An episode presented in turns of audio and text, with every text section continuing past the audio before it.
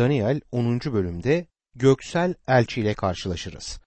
Daniel'in dua ile görüme hazırlanması yine Daniel 10. bölümde konu edilir.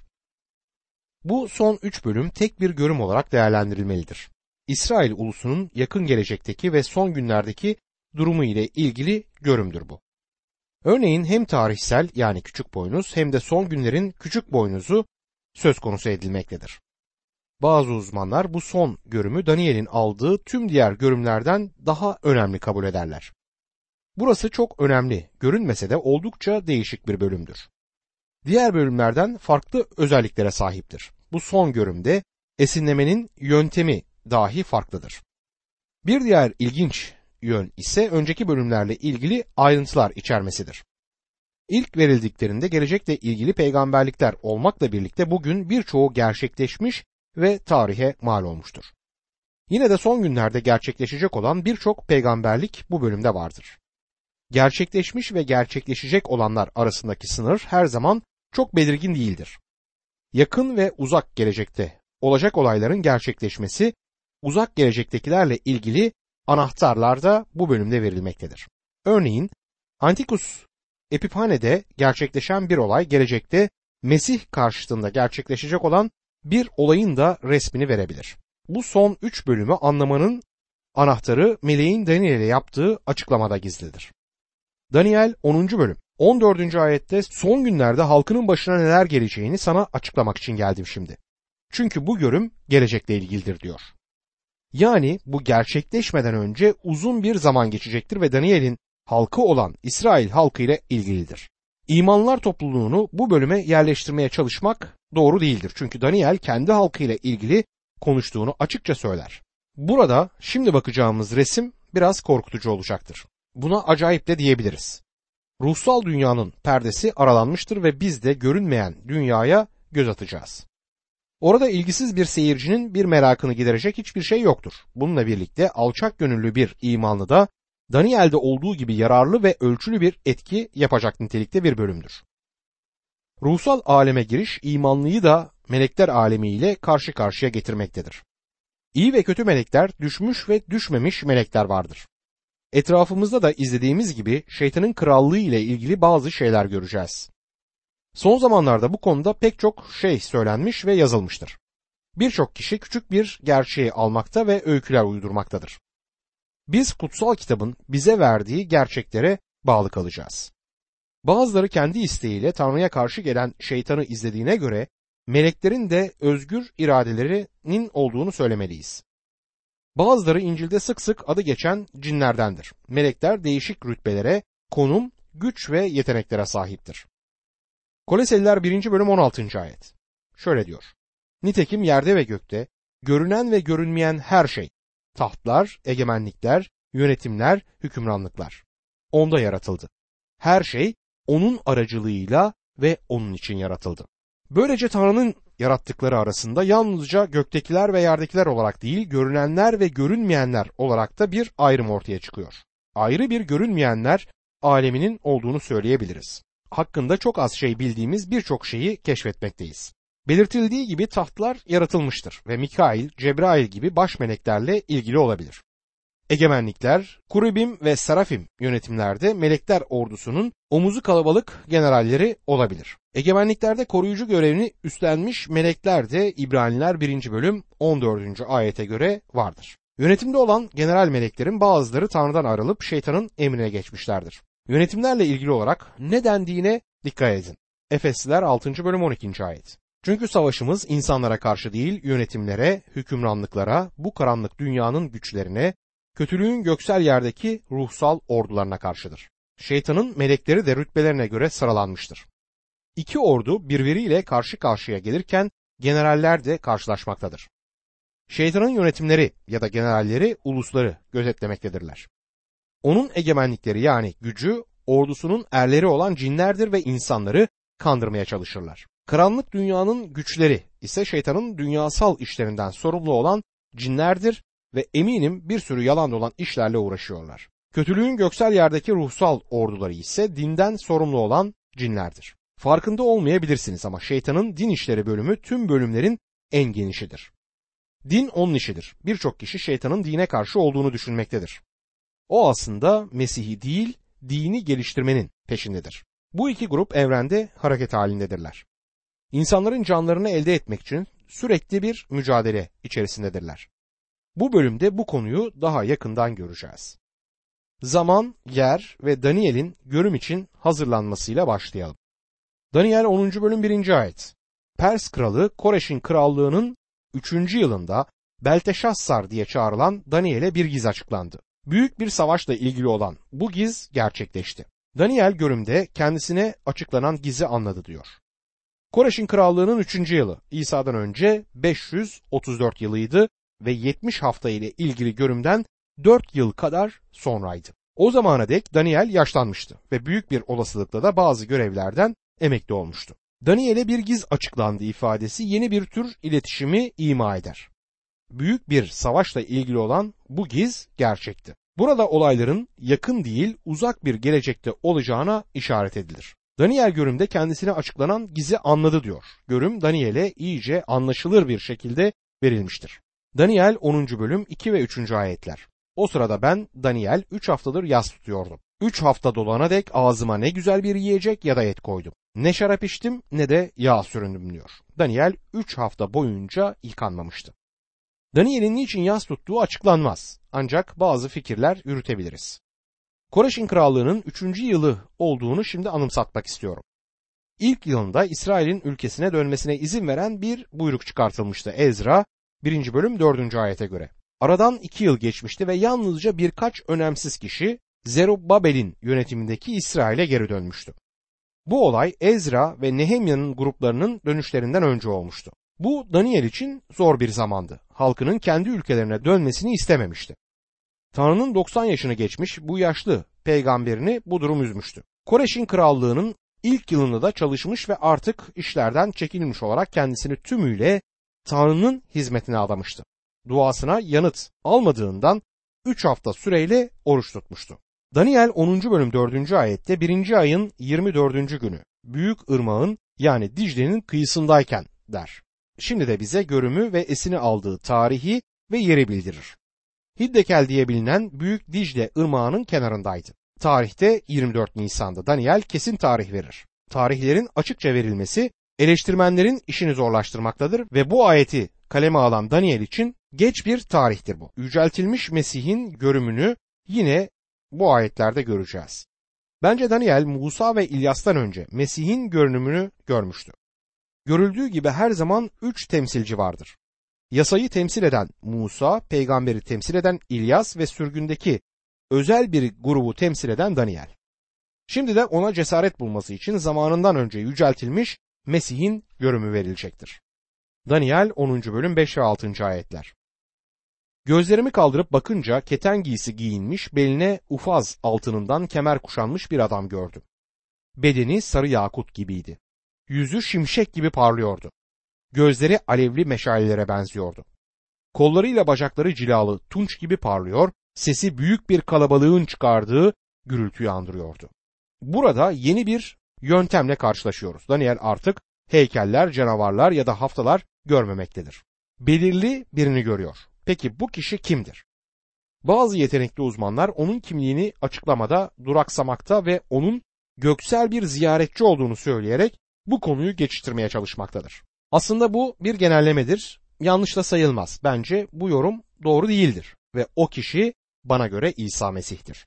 Rab İsa yeryüzündeyken birçok benzetmede bulunmuştu ve bu öykülerin bazıları belirli bir kişinin işleriyle ilgiliydi. O kişi ya baba tanrı ya da oğul tanrıydı. Önümüzdeki ayette o kişi kişiliği ve giysisiyle çok belirgindir. Esinlemede Yuhanna'nın gördüğü göğe çıkan Mesih görümü ile çok büyük benzerlik burada söz konusudur. Daniel 10. bölüm 11 ve 12. ayetler. Bana ey Daniel, sen ki çok sevilen birisin dedi. Ayağa kalk ve söyleyeceklerime iyi kulak ver. Çünkü sana gönderildim. O bunları söyler söylemez titreyerek ayağa kalktım. Korkma ey Daniel diye devam etti. Anlayışa erişmeye ve kendini Tanrı'nın önünde alçaltmaya karar verdiğin gün duan işitildi. İşte bu yüzden geldim. Pers krallığının önderi 21 gün bana karşı durdu. Sonra baş önderlerden Mikail bana yardıma geldi. Çünkü orada Pers krallarının yanında alıkonulmuştum. Son günlerde halkının başına neler geleceğini sana açıklamak için geldim şimdi. Çünkü bu görüm gelecekle ilgilidir. O bunları söyleyince suskun suskun yere baktım. Derken insanoğluna benzeyen biri dudaklarıma dokundu. Ben de ağzımı açıp konuşmaya başladım. Karşımda durana ey efendim bu görüm yüzünden acı çekiyorum. Kendimi toparlayamıyorum dedim diyor. Burada bence Daniel Mesih'i görmüştü. Onu beden aldıktan sonraki haliyle aracı, yargıç ve büyük çoban konumunda gördü. İsrail'de imanlar topluluğu da onun koyunlarıdır. İsa Mesih'in göründüğü yerlerde Musa ve İlyas'ın bulunup Daniel'in bulunmaması ilginçtir. Peki neden böyle? Belki de Daniel'in daha önce İsa'nın görünmesine tanık olmasından ötürü bu böyledir. Şimdi bu görümün Daniel'in üzerindeki değiştirici etkisine bakalım. Daniel 10. bölüm 7. ayet. Görümü yalnız ben Daniel gördüm. Yanımdakiler görmediler ama dehşete düşerek gizlenmek için kaçtılar diyor. Sıradan bir meleğin hatta bir baş meleğin insanları bu şekilde etkileyeceğini sanmıyorum. Daniel'in yanında başkaları da olduğu halde görümü yalnızca o görüyor. Kayıtlı olaylardan da bilindiği gibi Mesih'i insanlara yalnızca kutsal ruh tanıtabilir. Ve burada da o Daniel için bunu yapmaktadır. Bakın Yuhanna 16. bölüm 14. ayette İsa Mesih ne diyor? O beni yüceltecek. Çünkü benim olandan alıp size bildirecek. Elçi Paulus da Şam yolunda benzer bir deneyim yaşamıştı. Elçilerin İşleri 9. bölüm 7 ve 8. ayetler. Saul ile birlikte yolculuk eden adamların dilleri tutuldu. Oldukları yerde kala kaldılar. Sesi duydularsa da kimseyi göremediler. Saul yerden kalktı ama gözlerini açtığında hiçbir şey göremiyordu. Sonra kendisini elinden tutup Şam'a götürdüler. Elçi Paulus yüceltilmiş Mesih'i gördükten sonra gözleri bir süre görmez oldu. Daniel 10. bölüm 8. ayette ise böylece ben yalnız kaldım. Bu büyük görümü seyrederken gücüm tükendi, benzim büsbütün soldu, kendimi toparlayamadım diyor. Daniel yalnız bırakılmıştı. Bu tanrı adamının harika bir deneyimiydi ve birçok kişi sevinçle onun izinden gitti. Önce İbrahim ardından da ailesi Ur'u terk etmişti ve o da Tanrı ile yalnız kalmıştı. Musa da Midyan çölünde bir yere gönderilmiş ve yanan çalının yanında Tanrı ile yalnız kalmıştı. İlyas da bir melek tarafından terbiye edilmişti ancak Tanrı onunla birlikteydi. Yeremya yalnız başına yürüyordu ve Tanrı onunlaydı. Vaftizci Yahya da çölde yalnızdı ama Tanrı yine onunla birlikteydi. Elçi Paulus da çölde iki yıl kaldı ancak bu durum Tanrı'nın onu eğitmesi için bir fırsat olmuştu. Elçi Yuhanna Patmos adasında yalnızdı ama yine biliyoruz ki Tanrı onunlaydı. Bir araya gelip büyük çaplı dua toplantıları düzenlemek isteyen kişiler tanıyorum. Hiç yalnız kalmayı denediniz mi? Tanrı'nın sizi bulacağı yer orasıdır. Tanrı'nın sözünü alıp çekilin ve onunla yalnız kalın. Bunun size çok yararı olacağını söyleyebilirim. Kendi radyo programımda konuşmayı çok seviyorum. Bana sık sık şu soruyu sorarlar. Bu programları yaparken dinleyicilere yönelik olarak mı konuşuyorsunuz? Şu yanıtı veriyorum. Hayır, yalnız başımayım. Kapalı kapılar ardında bir stüdyoda çalışıyorum. Tanrı ile baş başayım. Öyle inanıyorum ki Tanrı bana böyle zamanlarda konuşuyor. Tanrı bu sırada benim gibi zayıf bir balçıktan kendi sözünün yayılmasını sağlıyor. O hem sözün yayılmasını hem de etkili olmasını sağlayandır. Öte yandan Tanrı'ya inanmayanlar topluca yaşamayı tercih ederler. Gece kulübüne gidip biriyle içki içiyorlar. Topluca hareket ederler ve çevrelerinde başkalarının da olmasını isterler. Yalnızlığı sevmezler. Yaşlı Yakup'un nasıl yalnız kalmaktan kaçtığını, Tanrı'nın onu bir gece köşeye çekip onunla nasıl güreştiğini ve sonunda ona ulaşmak için onu nasıl kötürüm hale getirdiğini anımsatmak istiyorum. Şimdi Daniel de burada Tanrı ile baş başadır. Ve görümde Rab İsa Mesih'i görmüştür. Bende kuvvet kalmadı der. Bu olay onu ciddi olarak etkilemiştir. Daniel 10. bölüm 9. ayet. Sonra adamın sesini duyunca yüzüstü yere düşüp derin bir uykuya daldım diyor. Büyük olasılıkla Daniel bir süre için bilinçsiz kalmıştı. Onun orada ne kadar kaldığını bilmiyorum. Sonra Rab İsa oradan ayrıldı ve Daniel kendine geldiğinde yanında kendisiyle ilgilenen bir melek buldu. Daniel yüzü yere dönük olarak emeklemekte iken bir el ona dokunuyor. Daniel 10. bölüm 10. ayet. Derken bir el dokundu. Titredim, beni dizlerimle ellerimin üzerine kaldırdı diyor. Bu göksel aracı Daniel'in yakarışlarına yanıt olarak beden almış olan Mesih tarafından gönderilmişti. Peki bu kim olabilirdi? Bence daha önce de Daniel'e gelmiş olan Cebrail'dir ama başka bir melek de olabilir. Daniel 10. bölüm 11. ayet. Bana ey Daniel sen ki çok sevilen birisin dedi. Ayağa kalk ve söyleyeceklerime iyi kulak ver çünkü sana gönderildim. O bunları söyler söylemez titreyerek ayağa kalktım diyor. Gördüğünüz gibi Daniel önce yerde uzanmaktaydı, şimdi dizleriyle elleri üzerindedir ve ayağa kalkması söylenir. Çok sevilen birisin sözüyle Daniel'e Tanrı tarafından sevildiği yeniden anımsatılır.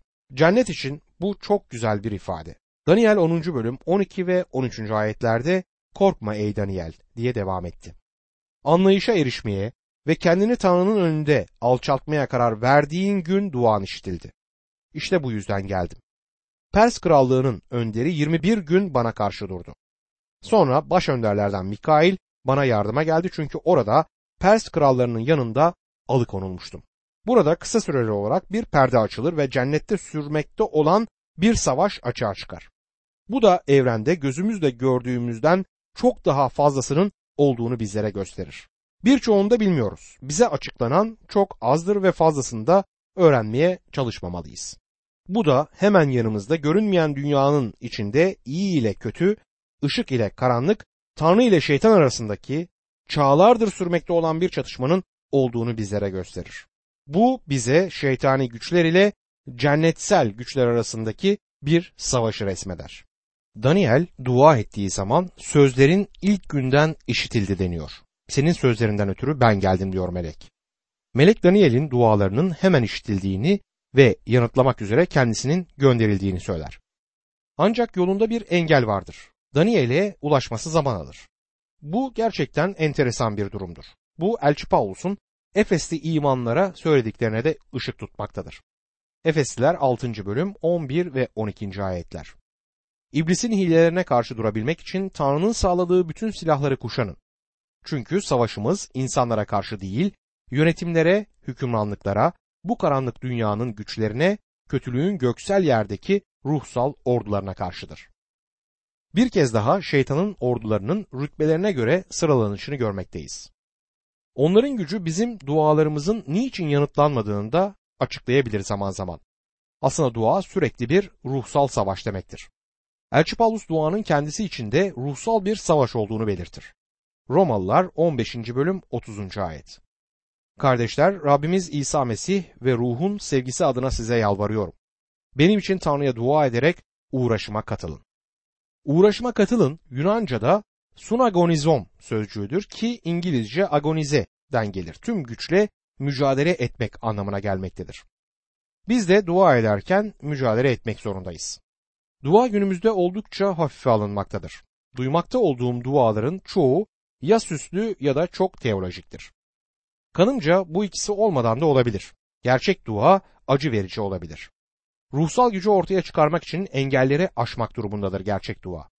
Bu işe süslü sözlerle Rabbi oyalayarak ya da çok derin sözler söyleyerek girmek gerekmiyor. Dostum bu ruhsal bir savaştır. Melek Daniel'e şöyle demişti. Senin sözlerinden ötürü ben geldim. Fakat Fars ülkesinin reisi 21 gün bana karşı durdu. Peki o kimdir? Normal bir kral böyle bir şey yapamazdı. Bu herhalde şeytanın elçisi görevini üstlenmiş bir cindi. Tanrı'nın sıra sıra melekleri olduğu gibi şeytanın da bir cin ordusu vardır. Generaller, albaylar, teğmenler, çavuşlar ve onbaşılardan oluşan bir ordu. Herhalde Fars kralı ismiyle tanımlanan bu cinin rütbesi o melekten daha üstündü. Dolayısıyla etkisiz kalıp yardım istedi. Hatta baş melek Mikail gelip yolu açmak zorunda kaldı. Yol niçin engellenmiş olabilirdi? Daniel'e Fars ve Yunan krallıkları ile ilgili bilgi verilecekti ki bunu gelecek bölümde göreceğiz. Şeytan böyle bir bilginin sızmasını istemedi.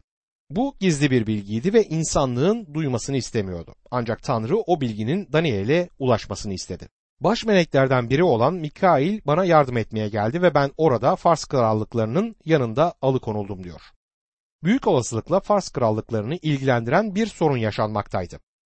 Daniel'in Fars ülkesinde olduğunu anımsamalıyız ve göksel varlıkların yardımı gerekiyordu. Bu Daniel'in aslanların çukuruna konmasıyla aynı zamana denk gelir. Gördüğünüz gibi Rab kendisinin haberi bile yokken Daniel için çalışmaktaydı. Bizler imanlar olarak ruhsal bir savaşın içinde olduğumuzu bilmeliyiz. Şeytanın ne kadar sık dua yaşantımızı bölmeye çalıştığını görmek ürkütücüdür. Dua toplantılarının cansızlaşma nedenlerinden birisi de oraya gidenlerin sürmekte olan savaşı fark etmeksizin güzel ve kısa dua etmesidir. Çarpışılıp kazanılması gereken bir savaş var. Elçi Paulus 2. Korintiler 10. bölüm 3, 4 ve 5. ayetlerde bundan tekrar söz eder. Hristiyan yaşamı bizim hayal ettiğimizden çok daha ciddi ve zordur. Yaşamlarımızda kutsal ruhun gücüne ve Mesih'in varlığına olan ihtiyacımızın farkında olmamız gerekir. Ruhsal savaşın içinde olduğumuz gerçeğini unutmayalım. Daniel 10. bölüm 14. ayette son günlerde halkının başına neler geleceğini sana açıklamak için geldim şimdi. Çünkü bu görüm gelecekle ilgilidir diyor. Daniel kitabının geri kalan kısmını anlamanın anahtarı bu ayettedir. Bu son görümü karakterize eden üç özelliği sizinle paylaşmak istiyorum. İlk olarak bu görüm halkın ile ilgilidir diyor. Burada kategorik ve dogmatik olarak İsrail'in kastedildiğini belirtebiliriz. Yoksa anlam bilim ve söz dizimi yönünden zor bir noktaya gelecektir. Senin halkın diyor. Burada kastedilen İsrail'dir. İkinci olarak bu son günlerde tamamlanacaktır sözüdür. Son olaylar büyük sıkıntı dönemi olan 70. haftada olacaktır. Son günler bu dönemin sonunu ifade eder.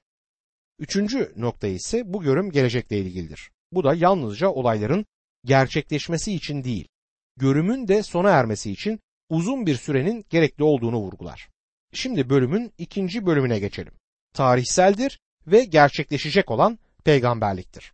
İlk geldiğinde peygamberlikti ancak artık yerine gelmiştir. Daniel'in anlayışı desteklenmiştir. Daniel 10. bölüm 15 ve 16. ayetler. O bunları söyleyince suskun suskun yere baktım. Derken insanoğluna benzeyen biri dudaklarıma dokundu. Ben de ağzımı açıp konuşmaya başladım. Karşımda durana, ey efendim, bu görüm yüzünden acı çekiyorum, kendimi toparlayamıyorum, dedim diyor.